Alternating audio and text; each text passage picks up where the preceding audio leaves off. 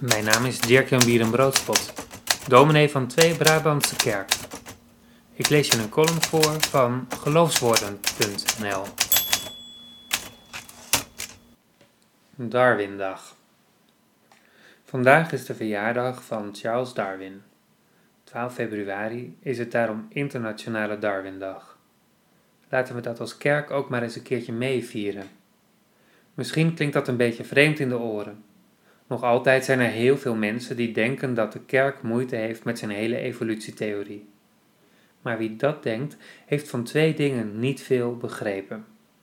Ten eerste van de evolutietheorie niet, ten tweede van de Bijbel niet. Het zal in september 2007 geweest zijn. Toen was ik tutor of wetenschappelijk docent van het tweede jaar bij de studie psychologie aan de Erasmus Universiteit Rotterdam. Het jaar begon met het vak evolutiepsychologie. Als mijn studenten er lucht van kregen dat ik ook nog theologie studeerde en dit vak begeleidde, ontstonden er gesprekken. Dat kon toch niet? En geloven en dit vak. Met een beroep op de wetenschap werd de Bijbel naar het rijk der fabelen verbannen.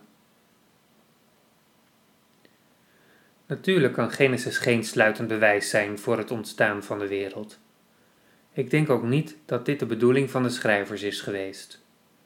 Schuif overigens ook Darwin niet de theorie van de oerknal in zijn schoenen. De geestelijk vader van die theorie was de priester Georges Lemaitre. Maar terug naar Charles Darwin en Genesis. Beide leveren een prachtig antwoord maar op twee heel verschillende vragen. Misschien hebben ze wel een gemeenschappelijk vertrekpunt. Dat vertrekpunt is de verwondering. De schrijvers van Genesis moeten zich hebben verwonderd over de schoonheid van de schepping. Ook Darwin moet dat hebben gedaan. Alleen lees ik Genesis als het antwoord op de vraag welke plaats de mens in de schepping in mag nemen. De evolutietheorie versta ik als een antwoord op de vraag hoe er zoveel verscheidenheid en diversiteit kan bestaan. Evolutietheorie en schepping gaan op die manier naar mijn idee makkelijk hand in hand.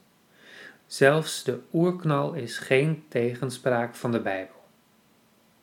De eerste vraag van Genesis is: Mens, waar ben je? Dat is een vraag naar verantwoordelijkheid. In de kerk leren wij dat we in elk geval niet de oorsprong zijn van hemel en aarde. Dat alles wat leeft niet door ons gecreëerd is. Dat schept verantwoordelijkheid. Internationale Darwindag is dus ook voor de kerk van wezenlijk belang. Het is een uitnodiging om te kijken door de ogen van Darwin. Hoe is het mogelijk dat er zoveel variatie is en dat al die soorten klaarblijkelijk één gemeenschappelijke voorouder kennen. Dat moet ontzag inboezemen. De natuur is uitermate sterk, maar kent ook een wankel evenwicht. Of misschien beter gezegd, de natuur kent een prachtige harmonie. En onze plaats in dat geheel?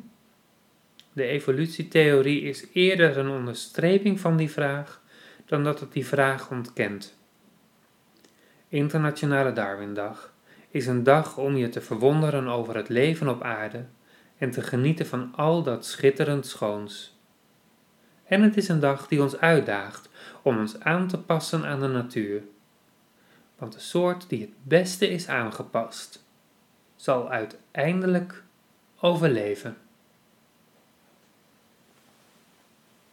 Je luisterde naar een column die ik schreef voor geloofswoorden.nl. Vond je het de moeite waard? Deel het gerust met anderen. Graag tot een volgende keer.